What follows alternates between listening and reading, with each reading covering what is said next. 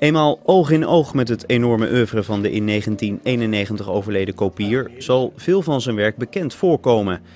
In het Glasmuseum zijn bijna al zijn ontwerpen te zien, zoals het beroemde gildeglas, serviezen, waaronder dit KLM-servies, uit de tijd dat vliegen nog bijzonder was, en talrijke kunstobjecten.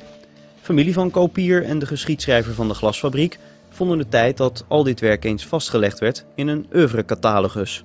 Er is wel veel over hem gepubliceerd, maar door 40 jaar te verzamelen ontdek je dingen waar je zegt, hé, hey, die heb ik nog nooit in een catalogus gezien of in een boek zijn die vermeld. En dat is eigenlijk het idee geweest, niet alleen ikzelf, maar ook zijn kleinzoon, die heeft er een grote rol in gespeeld. We hebben elkaar gevonden en het resultaat is geweest na een heel lang speurwerk dat er een heleboel nieuwe dingen ontdekt zijn. En dat is eigenlijk de basis geweest om iets nieuws te produceren. Kopier, die leefde van 1901 tot 1991, was vooral productief als ontwerper voor de glasfabriek. Later legde hij zich steeds meer toe op autonome kunst.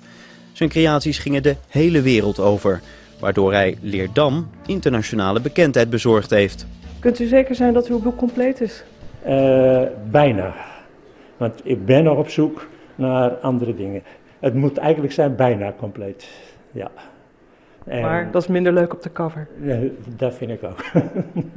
Wie meer wil weten over het werk en leven van Andries Kopier, kan dus bijna alles terugvinden in deze catalogus. Wie zijn glas, porselein en zilver met eigen ogen wil zien, kan terecht in het Nationaal Glasmuseum in Leerdam.